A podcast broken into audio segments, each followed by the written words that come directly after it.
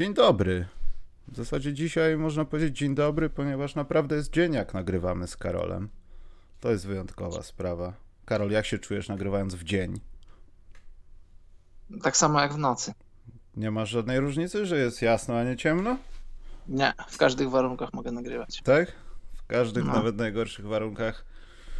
Dobrze, to w takim układzie, skoro to są takie wyjątkowe warunki, to dzisiaj w tym przepięknym 182 odcinku porozmawiamy o piątym sezonie, sezonie, tygodniu tego pięknego sezonu. Nie będzie za wiele do rozmawiania, bo myślę, że po pierwsze już miesięcznicą, podczas której Karol był nieobecny, wyczerpaliśmy temat, a po drugie chyba wyczerpaliśmy temat, bo w tym miesiącu aż tak wiele się nie działo, żebyśmy z Karolem tu siedzieli do 18.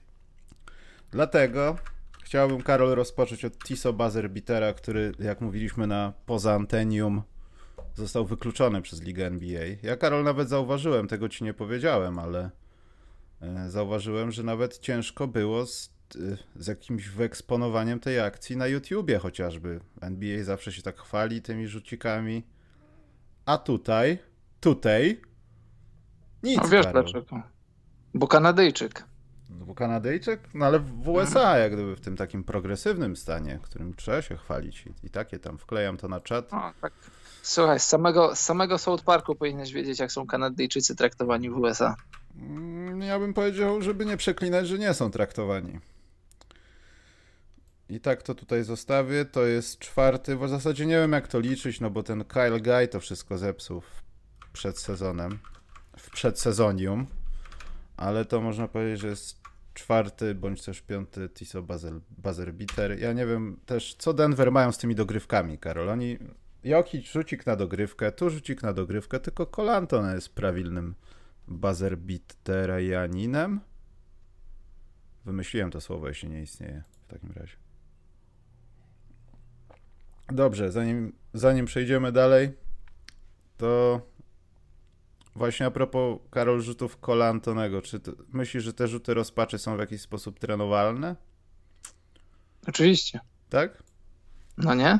Bo mi się wydaje, że nie, że to jest rzut trenowalny, ale przy takich warunkach, że taki off-balance on nie jest trenowalny absolutnie. Możesz tam tylko coś poprawić. Tak mnie to zawsze zastanawiało, jaką możesz skuteczność osiągnąć, kiedy no, ten rzut jest pozbawiony podstaw jakichkolwiek prawnych, żeby wpadł, wiesz. Bardzo często. Ale to jest sekwencja jakichś tam ruchów, których, które wykonujesz podczas swoich tam, czy letnich treningów, czy treningów takich w czasie sezonu. To nie jest nic, czego, do czego twoje ciało, ciało zawodnika, mięśnie nie byłyby przygotowane, przystosowane, czegoś, czego by nie robiły wcześniej. Wiadomo, czasami się zdarzają takie, ale generalnie to dla tych wysportowanych superatletów to jest chleb powszedni. Kolantony nie jest super atletą, ale tymczasem dostaliśmy pieniądze z rana od, od, od Marcina Borkowskiego na cele statutowe. Bardzo dziękujemy. Do dziś nie wiemy, jak wykorzystać pieniądze na cele statutowe, bo te od karka na wódkę to rozumiem, ale dalej nie wiemy z Karolem, jak kupić statut. Piąty tydzień Karol rozgryweczek jest. My nie wiemy, jak kupić statyw, a co dopiero statyw. My nie wiemy, jak się pisze statyw albo statut, a ty nam pieniądze na to rozdajesz. Yy, Piąty tydzień, Karol, zacznijmy od plusów. Wśród plusów jest Utah. I dlaczego, Karol, Utah Jazz jest twoim plusem w tym tygodniu? Bo na pewno jest, prawda? Tak. Czy to jest przez Szaka, myślisz, że Donovan Mitchell się zbulwersował? Bo wiesz co, ja się trochę z tym zgadzam. Z czym się zgadzasz? Z tym, co powiedział Shaq. I nie zgadzam się absolutnie, znaczy z tym się trochę też zgadzam już, że może w studiu TNT powinna nastąpić jakaś lekka zmiana, bo czasami niestety y, państwu, zwłaszcza temu Szaku, y, zdarza się po prostu zawiać emerytem. I to obserwujemy, nie wiem, ja to bardzo często stawiam jako przykład takiego trochę stetryczenia i zdziadzienia Karim Abdul-Jabbar. Kilka lat temu był absolutnie, dalej trochę jest, ale wcześniej był jeszcze, bo ktoś go chyba ogarnął. Y, jest, był niesłuchalny, nieczytalny, nieoglądalny w swoich wywiadach, wypowiedziach i tak dalej. I Szak zaczyna powoli taki być. Ale wydaje mi się, że Szak mógł mieć trochę racji, że tylko tutaj powstaje pytanie, czy to dobrze, czy źle. Donovan Mitchell nie wszedł poziom wyżej. Nie jest lepszym graczem niż był sezon temu, no może dwa sezony temu. No niech będzie też. Nie jest lepszym graczem. Jest takim samym graczem, tylko w końcu robi swoją robotę. Ja trochę się z tym zgadzam. Natomiast nie zgadzam się z tym, żeby to był jakiś punkt piętnowania Donowana Michela, bo może to jest właśnie taki gracz. Może on wyżej niż jak jest takie powiedzenie, którego nie użyję, nie podskoczy. I, I tak ma być. I to wcale może mu nie szkodzić. I nie wiem skąd się taki raban w sieci wziął. Ale podoba mi się to, że y, Utah Jazz rzucają za trzy punkty. Mniej mi się podoba, że przez to trochę mniej podają. I że może nie świetnie bronią, ale idealny sposób, przynajmniej ostatnio, ograniczają przeciwnika. Jakikolwiek by on nie był, to prawda, ale Utah Jazz są naprawdę. Mam nadzieję, że to nie będzie czkawka jak z Denver Nuggets, bo to jest mój kolejny plus, chociaż nie powinien. E, bardzo mi się to podoba. Raban na temat Szaka jest bardzo słuszny, bo przede wszystkim timing tego, tych słów Szaka. Transmisja na żywo zaraz po meczu, po meczu, w którym Mitchell zagrał bardzo dobrze. 36 punktów zdobył z Nowym Orleanem. A poza tym to jest, to, to jest takie niezmierzalne. W jaki sposób Szak może to zmierzyć i może jakoś to czuć. Y, moim zdaniem, ja cytuję Szaka, nie jest, jesteś zawodnikiem, któremu trochę brakuje do tego, żeby być tam na, na, na, poziomie, na poziomie czego? Na poziomie zawodnika, z którym może zdobyć tytuł. Ale w jaki sposób Szak to może zmierzyć? I tak ogólnie słowa Szaka to są słowa Szaka, mam to gdzieś, ale ogólnie jak tak obserwuję internet, nie powiedziałbyś mu tego w twarz, ja chyba też nie. Powiedziałbym, jakbym miał okazję. Nie. Problem jest taki, uwierz mi, żebym powiedział. Uwierz mi, Problem żebyś jest nie taki... powiedział, jakbyś usiadł przed tobą szak. No to ty teraz, teraz się stajesz szakiem, mówisz mi, co bym zrobił. Co nie, no Karol, nie, nie, nie, nie, nie, nie róbmy gdybym tego. Miał okazję, to, gdybym miał okazję, to bym powiedział. Rok ja, temu tak a... samo o Jordanie pewnie mówiłeś. Dobra, dobra. Że co? Nic, to jest inaczej, Karol. No jakby szak stanął przede mną, dla mnie to jest wielki chłop dalej, ale, ale jakby stanął, stanął, w prawdziwym życiu stanął... przede mną, mógłbym pewnych rzeczy chyba mu nie, go nie zapytać, tak do mnie Ale ja bym, ja bym Szaka, ja bym z Szakiem się nie chciał bić, ja bym nie wyzywał go, bo ja ludzi nie wyzywam. Ale to ale... o to chodzi, ja nie wiem, co on by chciał ze mną zrobić po tym, jak zadałbym mu delikatne pytanie. Uwierz mi, najmniejszego problemu nie miałbym z tym, żeby powiedzieć Szakowi to, co za chwilę powiem. Problem jest taki, jak obserwuję internet w ostatnich dwóch dekadach, powiedzmy, że te były gwiazdy, wiadomo, nie wszystkie, ale, ale wiele, nawet za wiele bym powiedział, yy, świadomie czy podświadomie obraża się na, na te dzisiejsze czasy, te dzisiejsze czasy, w których po pierwsze zawodnicy zarabiają potężne pieniądze. Niektórzy zawodnicy zarobią w ciągu trzech lat, na przestrzeni trzech lat, obojętnie kiedy, nie mówię w jakichś tam latach, tylko powiedzmy trzech lat, wyrywek swojego, swojego wielkiego kontraktu więcej niż, niż ci wielcy koszykarze w latach 90. czy 80. przez całe swoje kariery.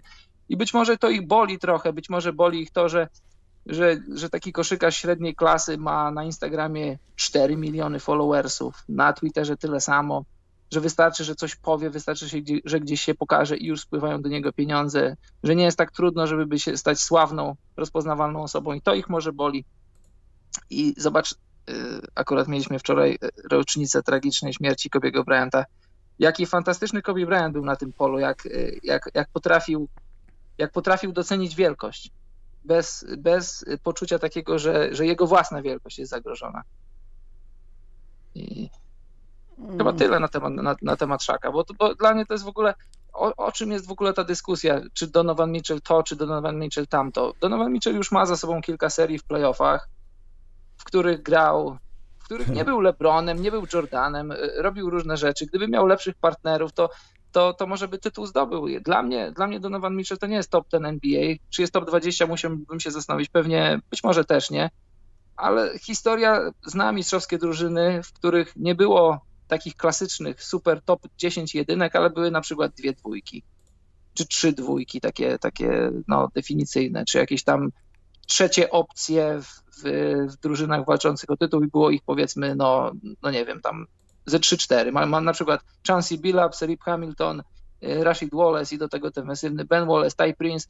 Żaden z tych zawodników prawdopodobnie nie poprowadziłby w, w pojedynkę jako, jako taki alfa, samiec alfa, nie poprowadziłby do drużyny tytułu, ale taka, taka mieszanka tych czterech wielkich zawodników zdobyła tytuł i Donovan Mitchell szczególnie w takiej drużynie, w tak, tak prowadzonej drużynie i tak, tak, tak broniącej i tak atakującej, w dzisiejszych czasach, to, to, to może być część mistrzowskiego składu i tyle w zasadzie.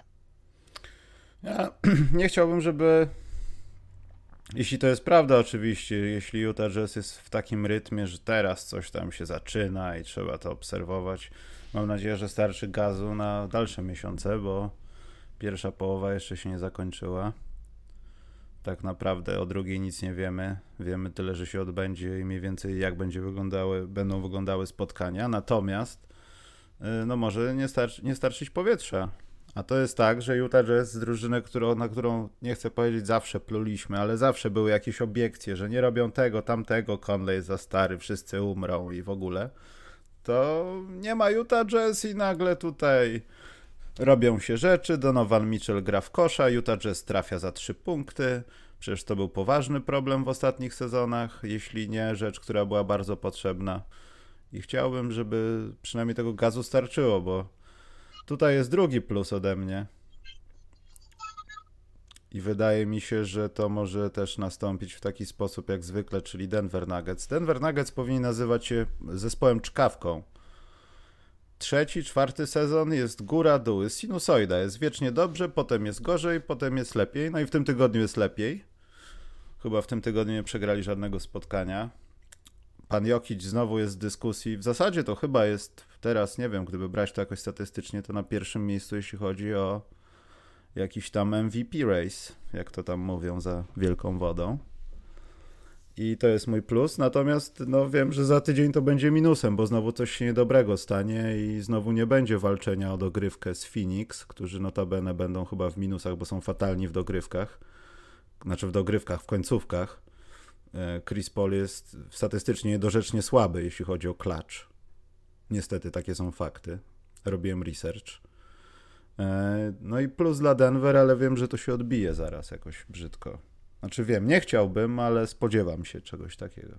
Chociaż znowu to jest ten gaz i tak jak mówię, to jest szczyt tej sinusoidy, zaraz będzie czkawka. Trochę nas do tego przyzwyczaili i Jazz i Nuggets, ale Nuggets są reprezentantem stylu chyba. Ale to jest mój plus. Karol, twój plus jakiś daj. LeBron James. Znowu?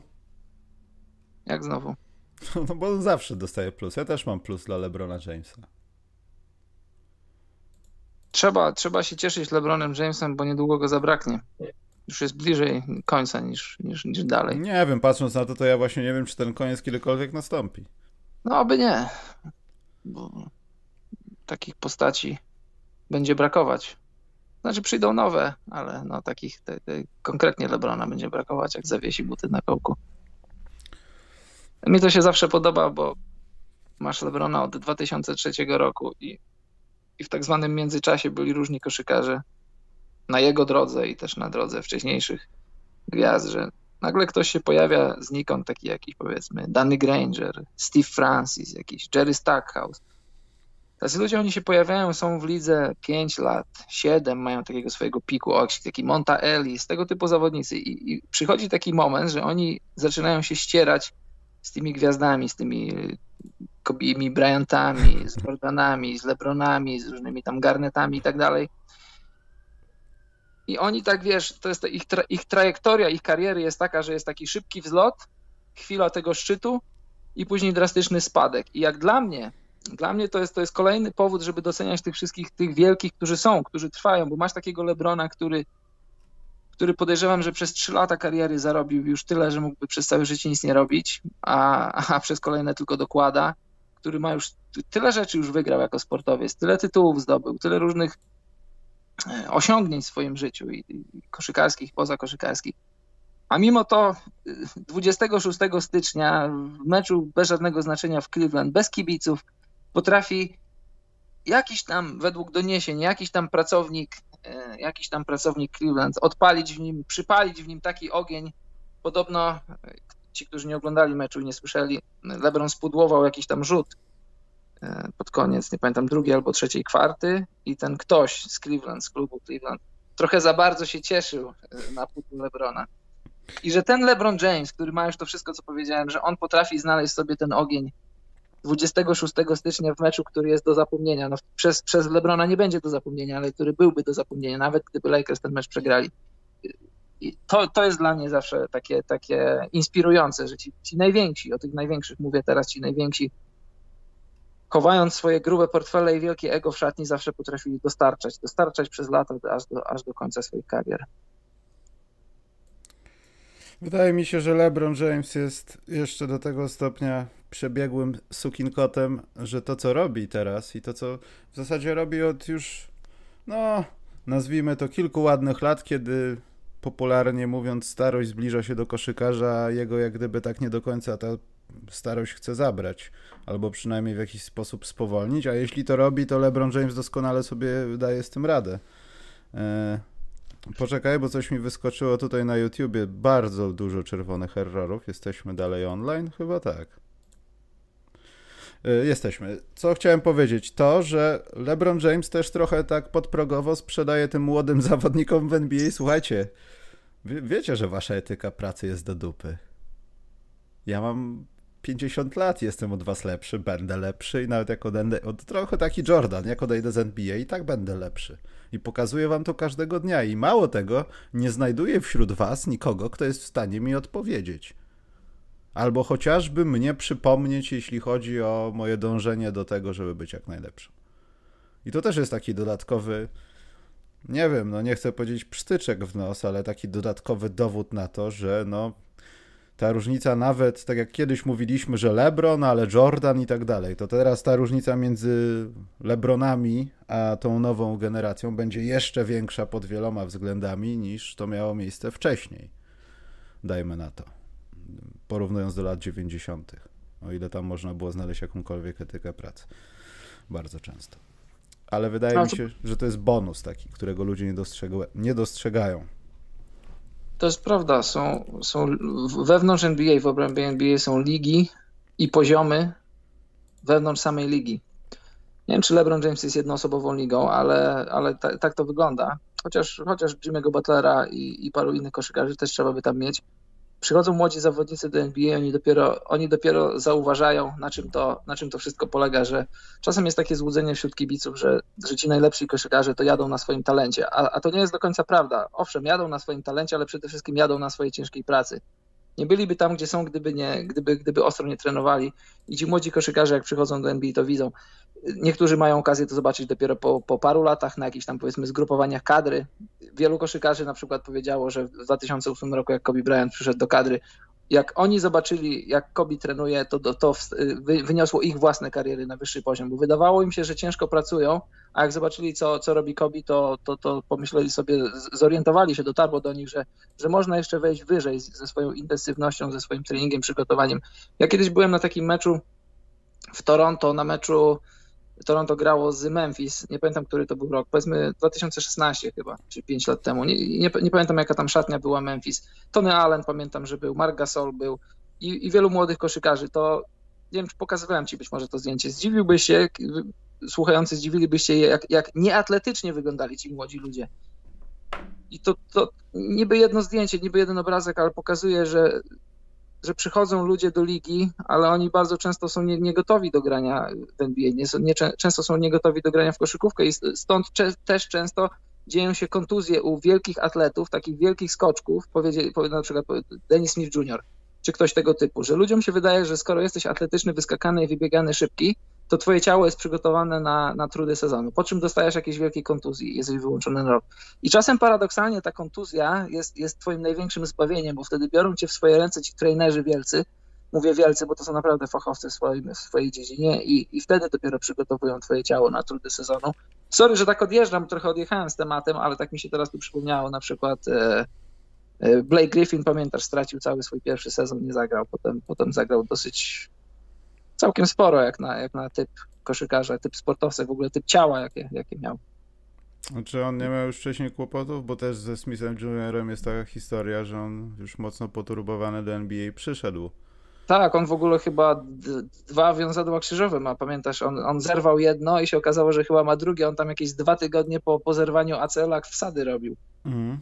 Poza tym, no, poza tym tam w szkole średniej, czy na którymś tym Adidas Hoops Camp, czy coś takiego, tam też miał przygodę jeszcze chyba przed przyjściem do NCAA, nie pamiętam, więc już chyba był trochę taki naszlakowany. No. Ale chodzi mi o sam mindset, wiesz, to przychodzenie codziennie do roboty, zostawanie po treningach, nie wiem, Luka Doncic mi przychodzi następnym zawodnikiem, który ma coś takiego.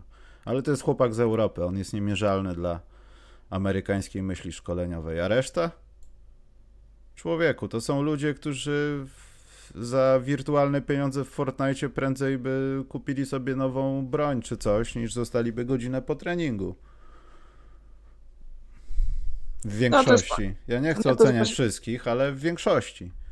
Nie, ale to jest właśnie fajne, bo to jest taka, to jest taka kombinacja, to jest kombinacja takiej mentalnej twardości, doświadczenia, wszystkiego tego, co wiesz, że musisz zrobić, no plus tej, tej, tej ciężkiej pracy. I tu ja też nie jestem od tego, żeby tu oceniać ludzi, czy co oni tam sobie robią po koszykówce, ale no na przykład no ten, ta, ta słynna, to słynne granie na komputerze. Ja, jak ktoś sobie gra w grę, to ja nie mam z tym problemu. Tylko, że już nie jedna osoba obnażyła Karla Antonego Townsa, żeby tu chociaż, cho, choćby tylko jego wymienić. Fantastyczny koszykarz, jeśli chodzi o, o skill set, jeśli chodzi o talent i w ogóle ciało no ale historia z Jimmy Butlerem, czy historia no, ostatnia, najnowsza pokazuje, że, że mentalnie być może nie jest tam, gdzie, gdzie ludzie w Minnesocie chcieliby, żeby był. Dobrze, idźmy dalej, bo trzeba też będzie zawędrować na krainę minusów, ale jak na razie to plusy trzeba. Karol daj jakieś od siebie, bo ja muszę sprawdzić różne rzeczy. Tu czat na przykład. OG, OG Anunobi. Poczekaj, na czacie się pojawiło coś takiego, Iglo, bez przesady, nie rób z koszykarzy czy generalnie młodych sportowców leni, co na treningu myślą tylko o skinach w grach wideo.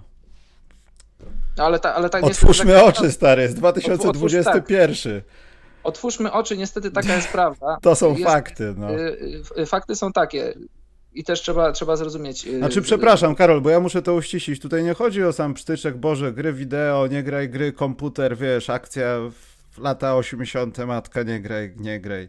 Tylko bardziej mówię o braku skupieniu na powierzonych tobie zadaniach, o postrzeganiu tego, że nawet ja wiem, w dalszym ciągu funkcjonuje to, to wszystko w NBA, że jesteś ze słabej dzielnicy, jesteś biedny, czarnoskóry i tak dalej, nagle dostajesz kupę kasy, jesteś w NBA. Ale gdyby Kyle Kuzma miał odrobinę lepszą etykę pracy i nie wyglądał na gościa, któremu się wiecznie nic nie chce i zostawałby jeszcze dłużej niż LeBron po treningach, byłby na pewno lepszy, a przynajmniej zyskałby jeszcze większe uznanie w oczach swoich starszych kolegów. A tymczasem, już wieszając się tego Kyla Kuzmy, patrzysz na niego i on sprawia wrażenie, że fajnie jak jest z dobrymi chłopakami pograć w kosza, wiesz, mam fajny kontrakt, eee, to przez lata pokazywał takie podejście też Dwight Howard, który kompletnie nie przywiązywał uwagi do siebie, swojej gry, podejścia do gry, do tego, co dalej. I teraz ponosi tego zasłużone, ale skutki. I tak to wygląda, no to jest naturalne, to są zmiany generacyjne. No, nie wiem, jak to, jak to nazwać, ale to są fakty. Tego niestety nie przeskoczymy. No. No wiesz co, może nie do końca zmiany generacyjne, bo, bo jak w dzisiejszych czasach ludzie grają w grę przysłowiowo, no to, no to 20 czy 30 lat wcześniej yy, grali w karty albo nie No wiem, właśnie.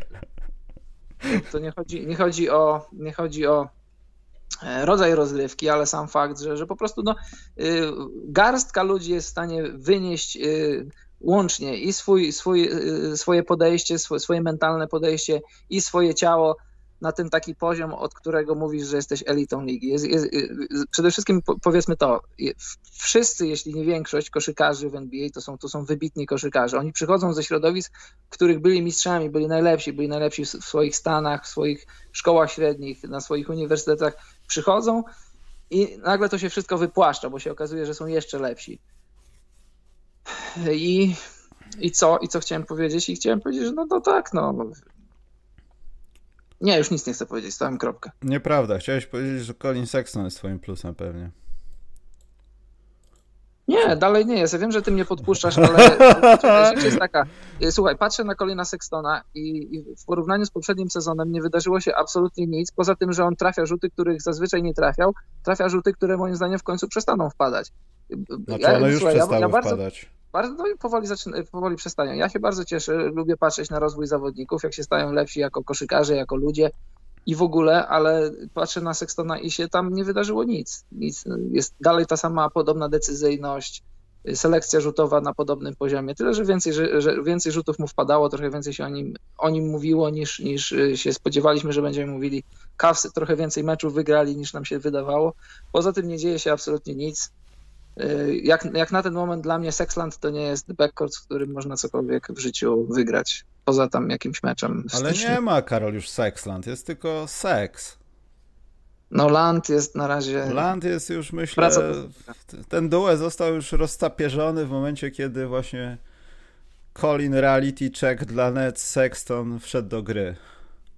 A tak naprawdę plus chciałem dać Sextonowi przez to, no już pomijając to, że świetny mecz i w ogóle to, to, to, co tam się stało. Dwa to minus dla niego za to, jak rzuca, bo przy każdym z tych rzutów miałem wrażenie, że ta piłka w końcu nie doleci albo poleci po prostu do góry, bo ten rzut czasami wygląda przy kryciu fatalnie, tak że ta piłka gdzieś zaraz wypadnie, no ale do tego się już od kilku sezonów można przyzwyczaić.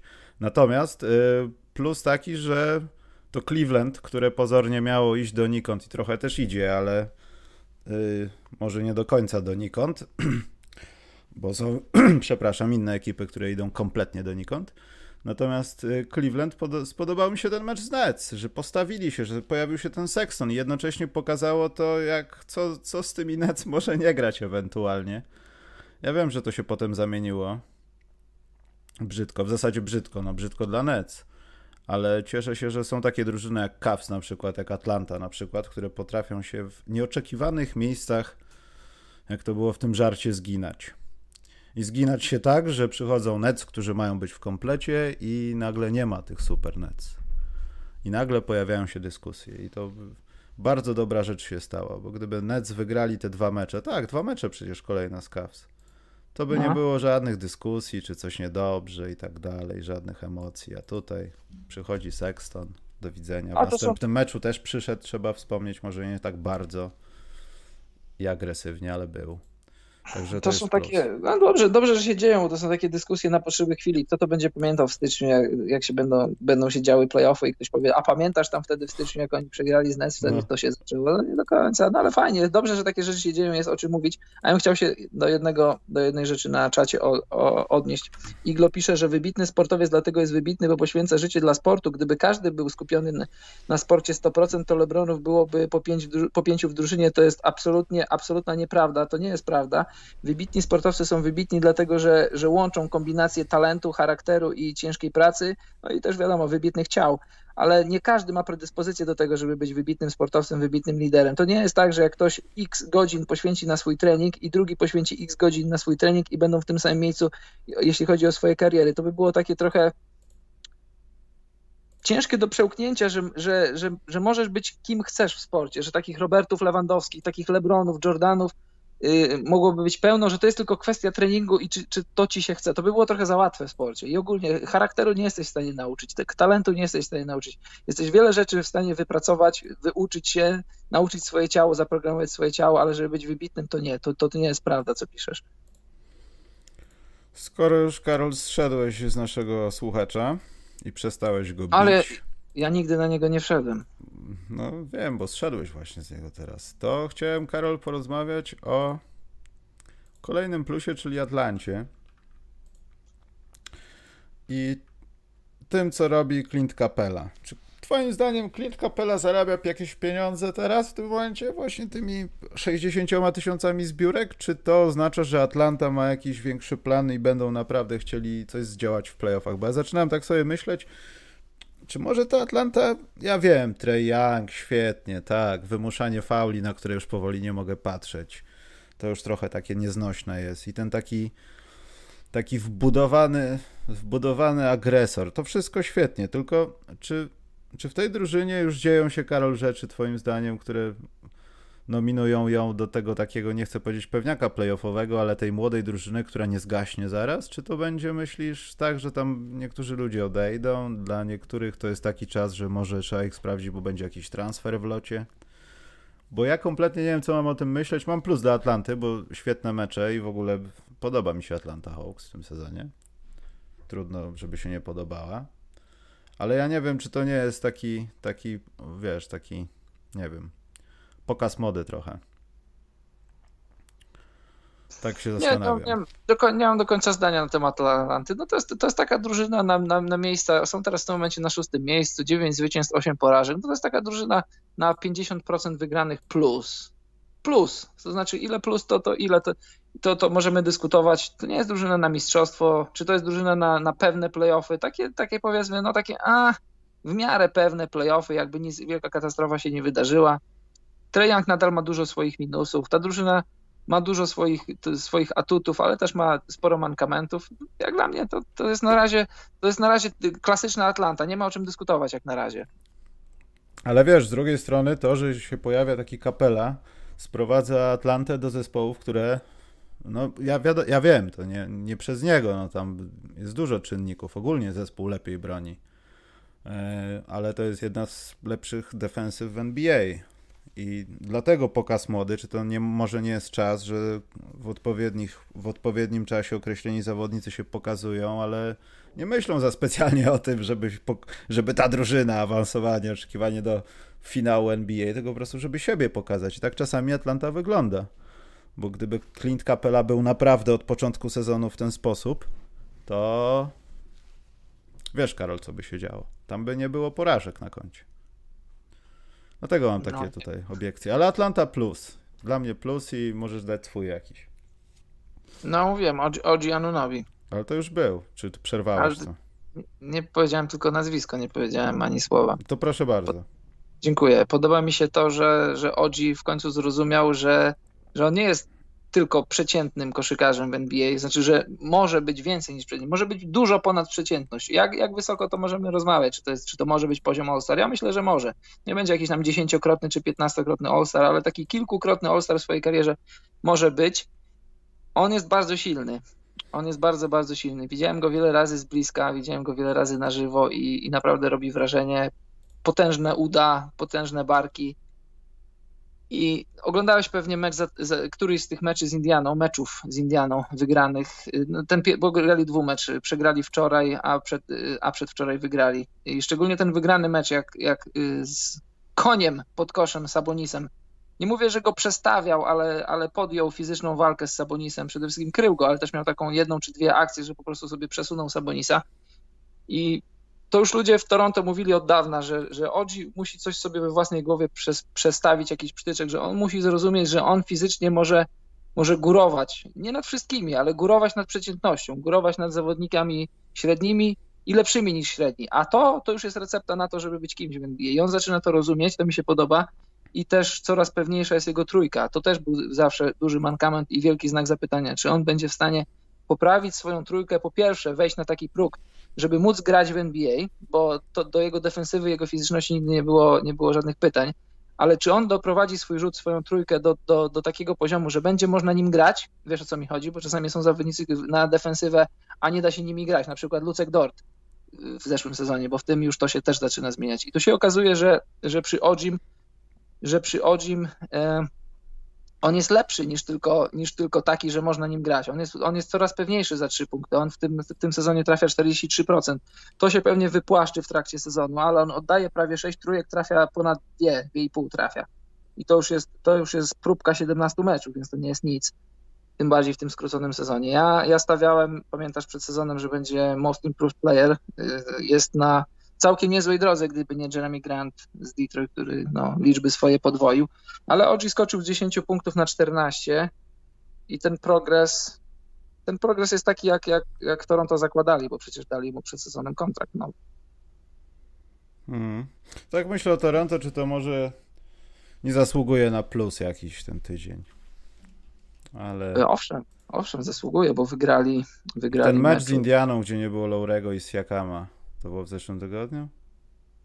To było przedwczoraj, bo wczoraj.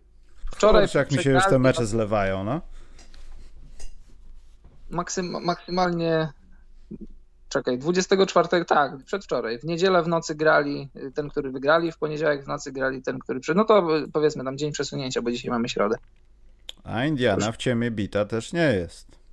No nie jest, nie jest. Toronto wygrało 5 z ostatnich, 5 z ostatnich ilu? 7 meczów. Znaczy, też nie oszukujmy się, no sytuacja w Toronto raczej nie wydaje się być wymarzona. Yy, wiadomo, no nie grają w Toronto, to ma spory wpływ pewnie, chociaż grając i tak i tak bez kibiców albo przy jakichś garstkach kibiców, to wszystko jedno, gdzie grasz, to jest i tak w zasadzie bąbel, yy, tylko że często jeździsz, ale o czym ja chciałem powiedzieć, że pomimo tych trudności odnaleźli jakąś tam swoją tożsamość, chociaż to też takie brzydkie słowo, jeśli chodzi o Toronto i tożsamość, bo tam w zasadzie tej tożsamości, którą pamiętamy ze zdobycia tytułu mistrzowskiego, to praktycznie jej nie ma i na przykład taki Pascal Siakam potrafi... No jak nie ma, jest dużo. Bardzo dużo. Wspomnienia zostały i pocztówki, Karol, to jest to, co zostało. Aha, i zawodnicy w tym składzie, ale oni w, nawet w 50% nie, przy, nie przypominają energią często tych samych zawodników. Ja nie o tym. Ja chciałem powiedzieć o tym, że w Toronto mi się bardzo podoba to, że mimo to, że na przykład Pascal Siakam nie był w gazie od początku sezonu, że szukał siebie, cokolwiek, pojawiają się tam gracze. Tak jak powiedziałeś Anunobi, ale z francuska trzeba wymawiać ten, to nazwisko, ale Chris Boucher, to są ludzie, którzy właśnie myślę, że dopóki to wszystko w Toronto będzie się działo z tą organizacją, z zarządem, z trenerem, z wszystko, to, to Toronto będzie żyło dzięki takim ludziom. Jeśli ten Boucher będzie za sezon jeszcze lepszy, to pojawi się następny Boucher, który będzie w tym samym momencie, kiedy był Boucher, kiedy był Siakam w swoim momencie. I to jest bardzo ważne w Toronto, wydaje mi się. To już nie chodzi o to, kogo masz tam w składzie, czy Kyle Lowry rzuci ci 50 punktów, ale to, że nawet przy utrzymywaniu jakichś tam minimalnych, nie wiem, zapasów pracy nad tymi zawodnikami, zawsze masz kogoś, kogo możesz wyciągnąć, żeby potem był Van Vlietem i dostał 80 baniek. I to jest, myślę, rzecz, która trzyma na powierzchni teraz Toronto i daje też im się uspokoić, bo ci zawodnicy są, przynajmniej Chris Boucher, są potrzebni. I bardzo są potrzebni, jak się okazuje. I to się nie bierze z niczego, bo wiele się mówi, w ostatnich latach wiele się mówiło o tej słynnej kulturze Miami Heat, że oni potrafią sobie ściągnąć, sprowadzać ludzi i później robić z nich koszykarzy. No, na przykład Derrick Jones Jr. z Dunkera, który był jedną nogą poza NBA, stał się zawodnikiem, który, no, pełnoprawnym zawodnikiem koszykarzem. koszykarzem. Stał się Dunkerem, który jest dalej jedną nogą poza NBA. O nie, no co ty, no, podpisał dobre pieniądze w Polsce. To, to, to jest, y, wyszedł ze szkoły Miami, która nauczyła go koszykówki. To Toronto też to ma, ma tę szkołę i, i drogi, drogi y, zawodników, którzy teraz są w Toronto Raptors, to były drogi od, y, drogi w sensie nie, że nie tani, tylko drogi jako ścieżki, ścieżki tych ludzi od, od G League, dalej gdzieś tam w drafcie, Siakam daleko w drafcie, Van Vliet poza draftem, że przychodzili do Toronto jako, jako no, tacy jeszcze surowi zawodnicy. Ja sam przecież wieszałem, znaczy wie, czy wieszałem psy, może nie wieszałem psy, mówiłem, relacjonowałem to, co widziałem. Jak widziałem pierwszy raz Van Vlieta na żywo, to ja w ogóle przecierałem ręce i się dziwiłem, jak taki chłop może grać w NBA. Jak on na, na rozgrzewkach, na treningach nie trafiał nic, był wolny, ociężały, średnio kozłował, słabo rzucał, a tu na, na, na moich, na naszych oczach taki progres poczynił, to, to, to się nie bierze z niczego. To, to stoją za tym ludzie, stoją za tym prawdziwi fachowcy. A też ludzie się ostatnio zastanawiali, dlaczego takie rzeczy dzieją się w Toronto, znaczy taki słaby start i w ogóle y, w kontekście tego, że są w innym mieście i w ogóle e, czy to jest jakaś tajemnica? Nie, to nie jest żadna tajemnica. To jest, to, to jest prosta rzecz, to jest prosta matematyka. W 2000 z mistrzowskiego składu, 2019 z mistrzowskiego składu odchodzi jego MVP, czyli Kawhi. Nie przychodzi absolutnie nikt, y, który byłby nawet nam w połowie na, na, na tym poziomie co Kawhi. Rok później odchodzą, odchodzą e, Gasol, Ibaka i też nie przychodzi absolutnie nikt równie, równie dobry I, i to jest dalej z tego mistrzowskiego składu masz tam czterech czy pięciu zawodników, ale to jest dalej, to jest dalej schodzenie z poziomem o, o jeden stopień niżej, z mistrzowskiego na taki powiedzmy finał konferencji, druga runda, jak mieliśmy w bańce, a teraz z tej drugiej rundy wchodzisz na to, że jak o życie będziesz walczył o, o playoffy. To, są, to, to nic nadzwyczajnego się nie dzieje. Po prostu odchodzi talent, a nie przychodzi w zamian równowarty talent. Dobrze to masz szansę na jednego plusa i ja też i idziemy do minusów, Karol, bo to nie ma co. Już nie mam żadnych innych. Tak? To ja mam jednego.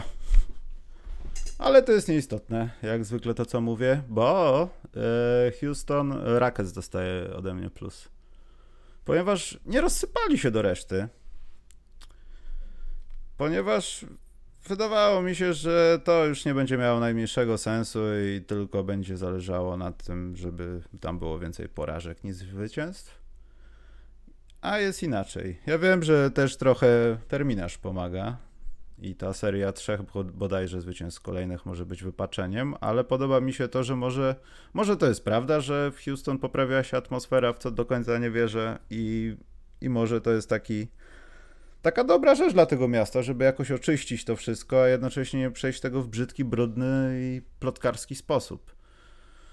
Mówię tutaj o przebudowie, nazwijmy to, bo inaczej się tego nie da nazwać. No i tyle. No i plus jeszcze dla medycyny, że uratowała Levertowi życie, no i tego transferu. O. A, to, to tak, to taka ludzka historia taka. No. Kto by pomyślał, że w NBA, gdzie wszystko jest monitorowane, a, a taka rzecz została pominięta. I, i, i, i paradoksalnie niby, niby to, to, jest, tylko sport, a, a to, to, ten transfer być może uratował mu życie, jak, jak sam Levert powiedział, no bo wczesna diagnoza, szybka operacja i to już, to już koszykówka schodzi na dalszy plan. Czy, czy będzie grał? No, no pewnie, raczej na pewno będzie grał, ale to, to jest kiedy będzie grał, kiedy wróci do zdrowia, przecież to jest, to jest poważna operacja. Mm. A niektórzy mają go w fantazji i czekają. Właśnie. Ale się chyba nie doczekają już w tym sezonie. Dobrze, minusiki, Karol, jakie mamy?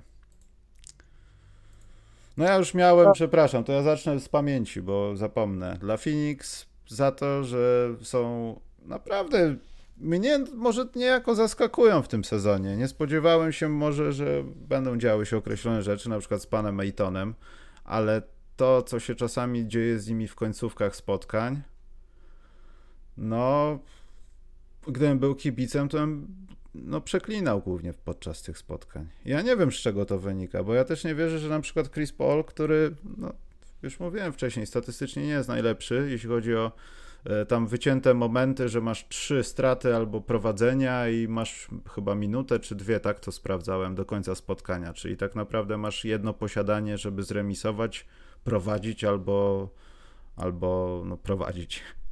E, I zastanawiam się to, czy to też wynika z drużyny, czy to wynika z tego, że po prostu coś się dzieje, no. Coś, coś się dzieje, że nie idzie. Zamierzam to jakoś zagłębić, może w, w, z biegiem sezonu będzie większa próbka, no ale to jest mój minus, to mi się nie podoba. Bo bez tego Phoenix byliby naprawdę no, kilka półek wyżej, jeśli chodzi o tą tabelę jakiegoś tam power rankingu w NBA. I tak są wysoko, ale mogli być jeszcze wyżej. To jest mój minus. A mo mogliby być wyżej, mogliby być niżej. Takie siódme miejsce to jest, wiem, czy to, czy, czy to przypadkiem czy to przypadkiem nie jest obraz ich, ich po prostu siły, takie powiedzmy szóste, siódme, ósme miejsce w NBA obecnie. Czy to podcaster przyszedł? Tak. Będzie nagryweczka jakaś? A kto wie, z nim nigdy nie wiadomo. Ile on chce pieniędzy za to? Dużo? O, za, za dużo. Mm, to łobuz. Nieładnie bardzo. Ale pogadamy kiedy indziej. Dobrze, jaki masz minus? Szaka, Szaka już omówiliśmy. Tak. Oprócz tego mam, mam Waszyngton. Waszyngton. No, w tym momencie Jesteśmy bilans... w stanie nawet na minus określić Waszyngton przez te wszystkie poprzekładane mecze? Ja właśnie trochę się boję. To nieważne, no, ile zagrali, ile zagrali. Z 13 meczów wygrali 3. I Aha, tam, fakt. tam, tam e, co do defensywy to zawsze był znak zapytania, ale zdawało się, że mając dwie wielkie gwiazdy, jedną atakującą, drugą rzucającą wokół strzelców niegłupich, że to, przy, że to będzie miało ręce i nogi, że to będzie przynajmniej walka o play-in, ale teraz to tragicznie wygląda, naprawdę tragicznie. Nie wiem, gdzie, gdzie, szukać, gdzie szukać przyczyn upadku. Czy w ogóle jest tego się ta drużyna w stanie wygrzebać, czy w ogóle będzie chciała się wygrzebać? Nie, no myślę, że na wygrzebanie się jest sporo czasu. No, czasu jest jak, naj, jak najbardziej dużo, bo tu masz 9, 10, e, to są, to są raptem dwa mecze straty do, do 10 miejsca, 10, które da ci play-in ewentualnie. No ale Poza tym... pomijając, pomijając fatalny bilans, to jak oglądasz mecze, to, to jest zgrzytanie zębów. Fatalnie to wygląda. No Karol, ale mamy chodzący dowód, no co, no dziś, dzisiejsza noc, no ten mecz y, z Houston. Y, I dla mnie trochę symboliczna ta sytuacja, kiedy Russell Westbrook gada sobie z Johnem Wallem. Na pewno tematem rozmowy było to, że niby e, Westbrook posłał Walla na wroteczki i tamten po prostu złamał sobie kostkę, ale on się poślizgnął tak naprawdę. Aczkolwiek dzięki szybkiemu wejściu pod kosz, znaczy wejściu, minięciu Westbrooka, no. Wszystko jedno. To No chyba, chyba, chyba to już mamy ustalone, że tam gdzie jest Westbrook dzieją się dziwne rzeczy i nawet jak on zdobędzie triple-double, to nic z tego. I bardzo żal mi jest, no bez niego też byłoby słabo, no ale Bradley Bill na tym cierpi. Bo Bradley Bill w tym momencie, kiedy Russell Westbrook jest na boisku, to często sam on wchodzi w ten taki niekomfortowy, niekomfortowe pudełko bycia gościem do pustych przelotów. Bo to tak, musisz nadrabiać te punkty, odrabiać za niego, musisz mieć jakieś serie. Jak ty jesteś szefem ofensywy, on nagle ci wchodzi w te wszystkie twoje kompetencje, jak jesteś w gazie i nie możesz się skupić na określonych rzeczach. W, w Wizards nie są najlepsi w kosza, nawet jeśli wszystko byłoby ok. Postawmy sprawę jasno. Ale to jest naprawdę utrata wszelkiego szacunku dla talentu koszykarskiego, bo Billy Westbrook to jest spora nadwyżka dla większości drużyn na obwodzie w NBA. Jeśli chodzi o siłę ognia, znajdźmy taką drugą dwójkę obwodowych w NBA teraz. No, ale, ale Bill też ma trochę krew na rękach, bo te statystyki jego mogą być trochę łudzące. Niby, niby teraz lideruje w punktach i niby procent 48 to też nie, to nie jest zły procent, ale nie posiłkuję się jakimiś zaawansowanymi statystykami, bo mam je gdzieś, ale sporo meczów Wizards obejrzałem i mam jakieś ale, nie wiem do końca jakie. Trochę w obronie mi brakuje Billa, który mógłby być super w obronie, gdyby chciał, bo z takimi warunkami fizycznymi to, to jakby chciał chociaż troszkę, parę procent poświęcić swojej energii, to, to, to by z pożytkiem i dla niego, i dla drużyny. A też selekcja rzutowa taka trochę średnia. Były też takie dwa mecze, które, no to za dużo może powiedziane, że, że przegrał im Bill, ale była taka, takie kluczowe posiadanie, tuż dawno, takie grzebanie w trupach trochę, z Orlando chyba, nie pamiętam, dostał takie podanie Bill i po prostu piłka, w dwutakcie piłka mu się wyśliznęła z rąk. No jak z takich dużych, czarnych dłoni piłka może się wyśliznąć, to nie wiem. Czy to nie było rasistowskie? E, nie, jak najbardziej nie. Przepraszam, chciałem tylko zapytać. Proszę, wyjaśniłem ci. E, dobrze. To no. ja mam jeszcze jeden minus wynotowany. Znaczy, jeszcze tego nie potrafię jakoś tam nazwać dużym minusem, ale no, sam na pewno widziałeś, wy też. Dyskusję, Lonzo Ball już nie nadaje się do gry w koszykówkę. Nowy Orlean upada. Już nie ma rozmów o tym, jak Brandon Ingram tam postęp jakiś zrobił, albo co dalej z Zionem, że w zasadzie Zion może nie musieć umieć rzucać za trzy punkty. E, tego typu rzeczy, aż tu nagle się okazuje, że ta drużyna jest nierozwojowa, gra słabo i faktycznie no, mają jakieś tam kłopoty. No, dajmy na to rzuty za trzy punkty. To nie jest, to nie jest ostatnio jakiś taki punkt, żeby się być z, z czego cieszyć. Ale minus dla Nowego Orleanu za to, że jeśli to wszystko jest prawda, to mi bardzo żal jest Zajona, że E, tak to jest z młodymi graczami. Tobie jest potrzebne, zwłaszcza takimi jak Zion, no, którzy mają bardzo dużą przyszłość przed sobą, e, że ty potrzebujesz stabilizacji tej grupy, tych młodych kolegów, z którymi jesteś dwa, trzy sezony. To, co się dzieje w zespole, tak zwany gnój, nie może być, występować albo być za często, bo tobie to przeszkadza. Ty zaczynasz potem myśleć, a może jednak odejść z tej drużyny, może jednak potem mówić, prosić o transfer. I jeśli z Lonzo Bolem będą starali się coś rozrobić, to mam wrażenie trochę, że Nowy Orlean będzie boksował w miejscu, boksował koła w miejscu bez ABS-u, żeby, żeby tylko osiągnąć lepszą wartość, a tak naprawdę wartość nie zostanie przekuta na nic lepszego, poza tym, że Zion będzie dalej w drużynie, bo będzie ktoś mu po prostu podawał loby. Mi już nawet nie chodzi o talent Lonzobola czy cokolwiek, tylko chodzi o to, że, że właśnie Nowy Orlean może na tym ucierpieć. To jest dopiero początek tego i nie wierzę, żeby tam były jakieś większe deale, super deale z Lonzobolem w tle Chicago Bulls, Zach Lavin, ale, ale to się może stać. I Zion najbardziej może na tym ucierpieć, tak mi się wydaje. A że pójdzie to tam źle, to jestem pewien. No, Lonzo Ball to nie jest, to nie jest główny winowajca tego, że, że Pelicans są 5-10. Ja w ogóle myślałem, że pod stanem Van to będzie taka, taki skok jakościowy tak od razu już. A oni, oni nie są tak dobrzy, jak się wydawało, że będą. Ja mam taki, taki zbiorczy, bo nie ma, nie ma o czym dyskutować. E, Sacramento, Pelicany i Minnesota. To, Minnesota i Sacramento szczególnie to, to jest e, dramat NBA. To jest dramat. Nie, no w Sacramento, w Sacramento to widzisz, to jest, to jest idealny przykład, bo o Nowym Jorku bardzo dużo się mówi, bo masz pana Dolana Nowy Jork, wielkie miasto, wielki, wielki ośrodek koszykarski, mimo że, mimo że nie sportowo, nie, nie, nie doszusowujący do tego, co finansowo no, nikt ci przynoszą lidze. Ale Sacramento to jest, to jest po przeciwnej stronie Stanów Zjednoczonych, to jest, to jest bliźniaczo podobnie organizacja prowadzona, chociaż Nowy Jork od dwóch lat nie robi nic złego. Pan, pan Vivek, którego nazwiska nie pamiętam, bo on nie zasługuje, żebym ja pamiętał, jakie ma nazwisko. Kto? To jest właśnie idealny Pan Wiwek. Nie wiem, pan kto to jest. właściciel. Nie mam pojęcia, widzisz, bardzo... nie mówisz. A ja, a ja niestety wiem. I, i to, jest, to jest idealny przykład na to, jak, jak, jak człowiek, który o koszykówce nie ma pojęcia, wtrąca się w kompetencje ludzi, którzy na koszykówce się znają, chcieliby pracować, a nie mogą to słynne We Take Stauskas, to jest dla mnie, to, jest, to powinni oni to na swojej szatni, na, swojej, na swoim budynku treningowym, We Take Stauskas w, w, w cudzysłów wzięte. W koszulki I, takie, zamiast tak, brief tak, to tak, kampania tak, Staukas Mater to jest, to jest jedno zdanie, to jest jedno zdanie, które, które mówi wszystko o tej organizacji. W tej organizacji nie będzie, nie będzie się nigdy nic działo dobrego, dopóki ten człowiek będzie tam zarządzał, a on tam zarządza. On przecież pamiętasz parę lat temu kiedyś miał taki pomysł, że on w ogóle z tym czymś idzie do mediów, że to w ogóle wycieka do mediów, żeby grać czterech na pięciu, żeby jeden cały czas stał pod koszem na tak zwanej kotwicy i czekał na podania. No przecież to jest no nie wiem, może wizjoner koszykówki, nie wiem, ja się, może ja się nie znam. A może w krykieta grał za dużo facet, sądząc po pochodzeniu, tak mogło być. No tak. No, może mango zrywał do kosza.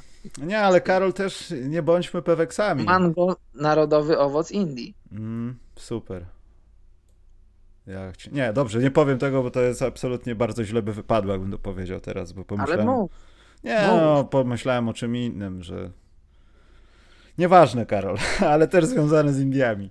Że co, że on tu się nadaje, żeby butter chicken masala robić, a nie? Nie, no nie jestem rasistą, ale bardziej chodziło mi o jakieś, nie wiem, zarazki w gangesie, że są największym warzywem.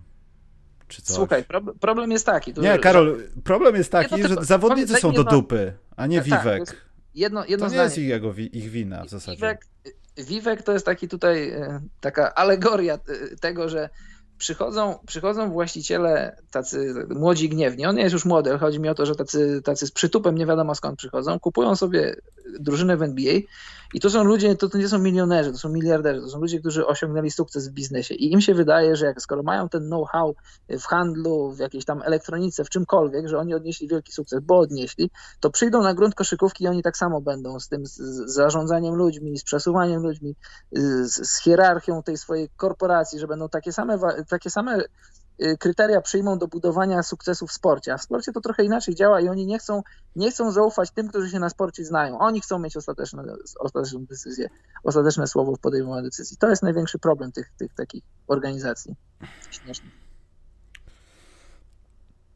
Czy ja miałem jeszcze jakiś minus? Minus, że Portland jest pechowe. Mam zapisane coś takiego. Nie potrafię tego w jakiś sposób wytłumaczyć, ale mam taką notatkę. Słuchaj, a skoro dzieje się to już od tylu lat, to czy, czy, czy, czy przypadkiem to jest pech, czy nie, czy nie jakaś prawidłowość? Zobacz. No, ale szukamy prawidłowości w losowych kontuzjach, którą, którą znowu ma nurkić?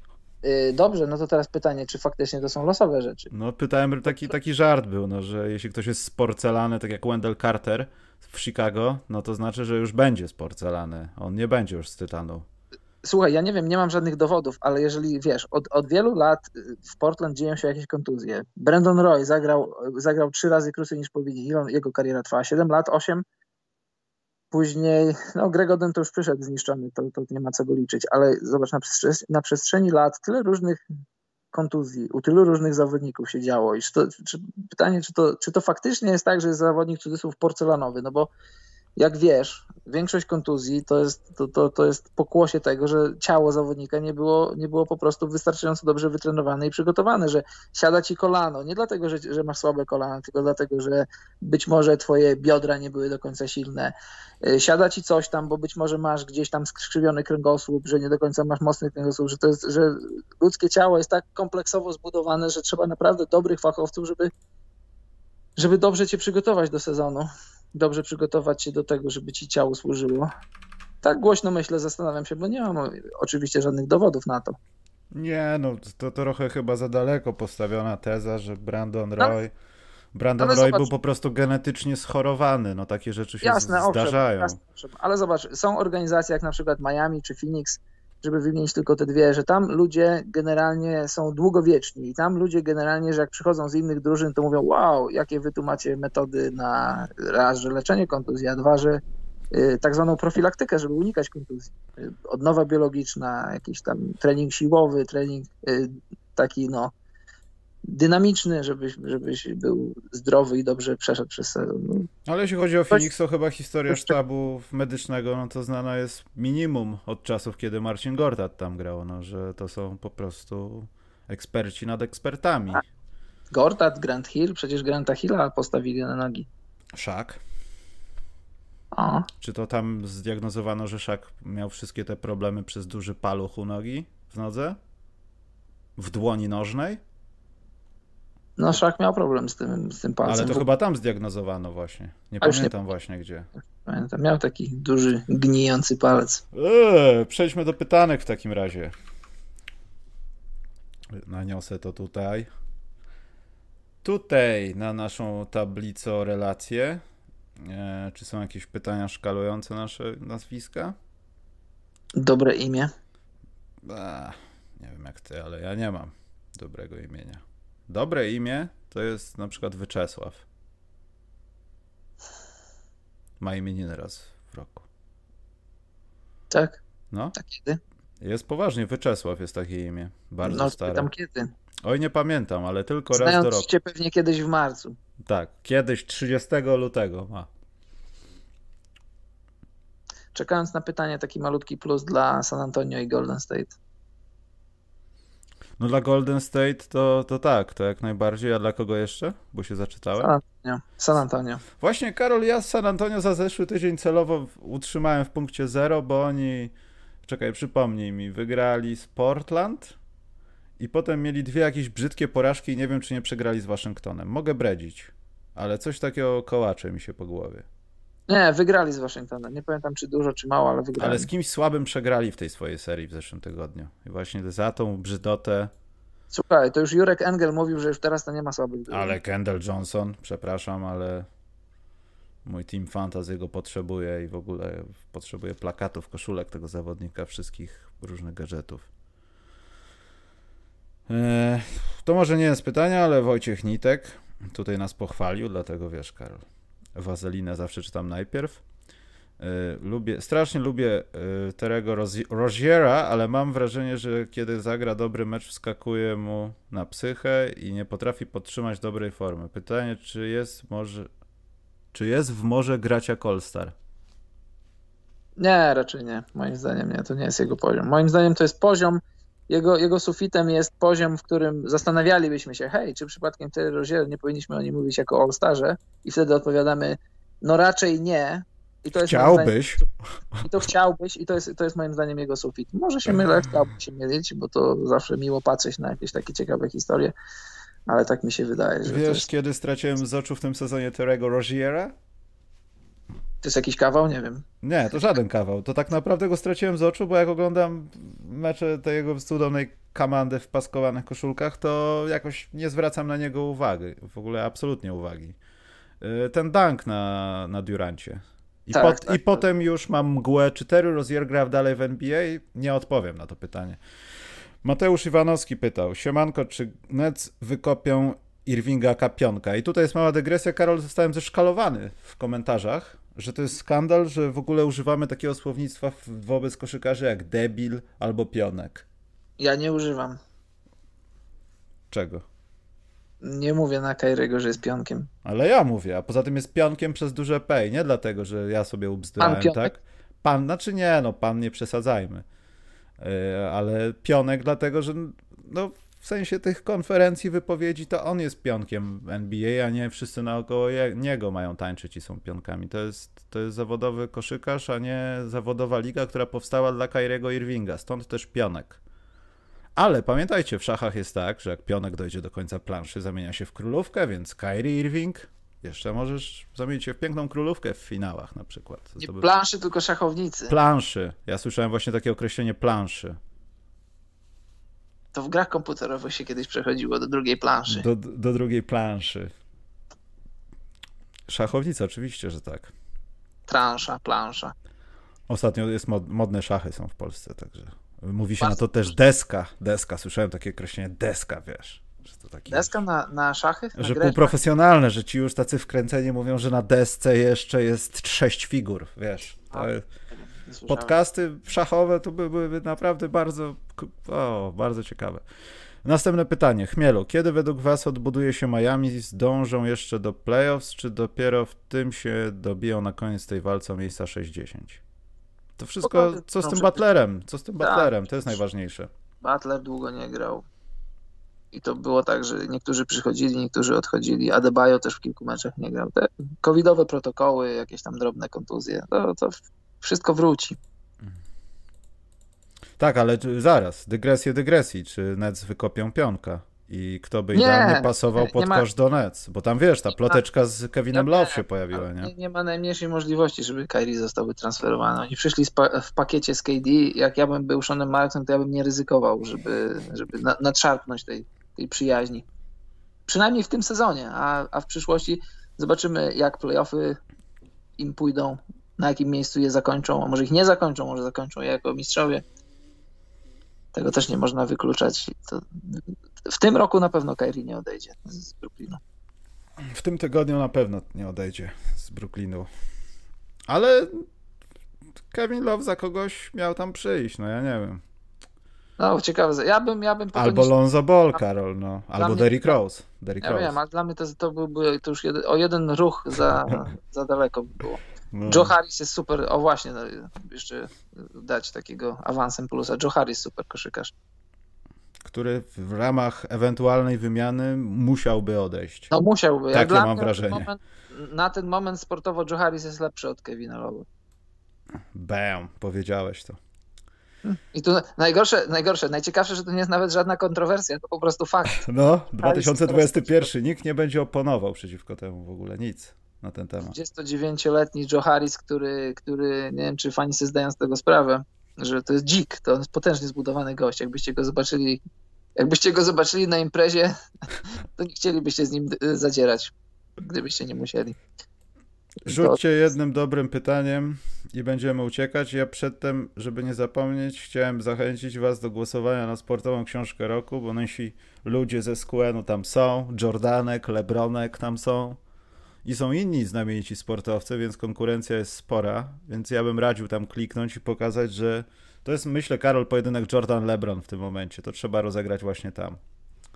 Oczekuję, wiecie jakiego rozwiązania, nie będę mówił jakiego, ale jest na M. Tak. Jest na M. Jak już LeBron James skończy karierę za ileś tam lat i ostatecznym argumentem za to, kto był GOAT, kto jest GOAT, będzie to, kto wygrał w 2020 roku plebiscyt na najlepszą książkę w Polsce. Mati Iwan. Ingles za Tajsa w Fantasy. Kto wygrywa w takim trade? Alkohol. Zależy w jakiej fantazji. Jest, jest tyle stron, tyle tych y, mechanizmów działania i naliczania. Hmm. Ja gram w takiej lidze, znaczy w dwóch gram ligach i w jednej najlepszymi koszy. No wiadomo, najlepsi są zawsze najlepsi, ale jedna jest taka dosyć prosta, tylko że asysty się zaliczają jako dwa punkty i tam jest takie przewartościowanie, że, że dobrymi koszykarzami są tacy, którzy, których zrzucasz w innych ligach. To wszystko zależy od ligi. Jak grasz i w ogóle. Ja tam nie jestem ani, ani jakimś tam super entuzjastą, ani super znawcą. Gram sobie tak, żeby mieć sobie na boku coś tam, żeby sobie podłubać, ale jakoś nie zależy mi na tym, ani żeby grać, ani żeby jakoś tam udowadniać coś komuś. E, Są dwa pytania, jedno małe, na które sam odpowiem, Karol. Czy z Cediego Osmana będą jeszcze ludzie? Już są. E, Natomiast drugie, Są. No już. e, trzy szóstki, Tekken trzy szóstki pytał i w tym momencie pękła ziemia. I to jest, Karol, ostatnie pytanie w tym programie. Dlaczego Bucks są tak słabi, jeśli chodzi o dobieranie nowych graczy do Janisa, nawet gdyby byli pod presją odejścia? Janisa, jak rozumiem. Co poszło nie tak z Bogdanowiciem? Już mówiliśmy, co poszło nie tak z Bogdanowiczem. Wszystko. Wszystko. Wszystko. Ale wiesz, z czego jestem zadowolony? Z wiecznie zdziwionego Bobiego Portisa. Ale dobrze gra. Bardzo dobrze. On jest tak zdziwiony, że już coraz mniej wygląda na zdziwionego i możemy śmiać, ale tak naprawdę jeśli chodzi o jakieś wejście drugo-trzeciokwartowe, to no, nie chcę nic mówić, ale od momentu, kiedy dostał troszkę więcej szans, albo może w innym rozkładzie te szanse, no to zespół tylko korzysta na tym. Tak. Także ja bym to obserwował. Dobrze, Karol, teraz musisz wymyśleć, w jaki sposób się pożegnać, bo no, musisz powiedzieć tak, że jasno jeszcze jest. Nie możesz powiedzieć dobranoc teraz. Bo to byłoby Powiem- dziwnie, co najmniej. Powiem może, może trochę prowokacyjnie, ale powiem do usłyszenia. Uuu, będzie bomba. Czy, czy Bucks dadzą radę dojść do finału playoffs? To są osobne finały, są finały NBA i są finały playoffs. Nie wiedziałem. No finały playoffs, ogólnie playoff, czyli Nie finały. no, żartuję, no Karol, no. Yes. A ty lubisz tak złapać kogoś za słowo. No. Nie tylko za słowo. A to nie wiem, Wiesz, jaki jestem, jak wypiję. Dobrze. Niestety wiem. Ja od siebie chciałbym życzyć Wam, jeśli będziecie tego słuchać w ciągu najbliższej godziny, bądź też innych 10 minut, smacznego obiadu. Drogi z powrotem do pracy, niech Was śnieg nie, zas- nie, nie, nie zaskoczy. Jeśli stoicie na przykład w kolejce po szczepionkę, to stójcie dalej. Y, A ty już po obiedzie, czy jeszcze na Ja, czczo? ja zamierzam. Nie, ja na czczo. Ja podcasty. Ile podcastów zrobisz na czczo? No nie wiem właśnie. Teraz jest pierwszy, ale fakt, podcasty na czczo nie są komfortowe. Człowiek zaczyna z razem z końcem myśleć o tym, co ugotować. Maciej Szytela, kiedy gościem ambasador Citron? Nie wiem, trzeba się go zapytać, bo on ma bardzo mało czasu i myślę, że nie ma czasu nawet, żeby coś nagrać. Także tak. Dobrze, Karol, czas na Twoją kwestię, bo obiady i dziecka czekają, jak to mówią niektórzy ludzie, więc No właśnie. chodźmy. Dziecko, dzieci się same nie wychowają. Dziecka. Liczbam na zatem- dziecko, to dziecka są. A zatem, drodzy Państwo, dziękujemy za dziś i do usłyszenia.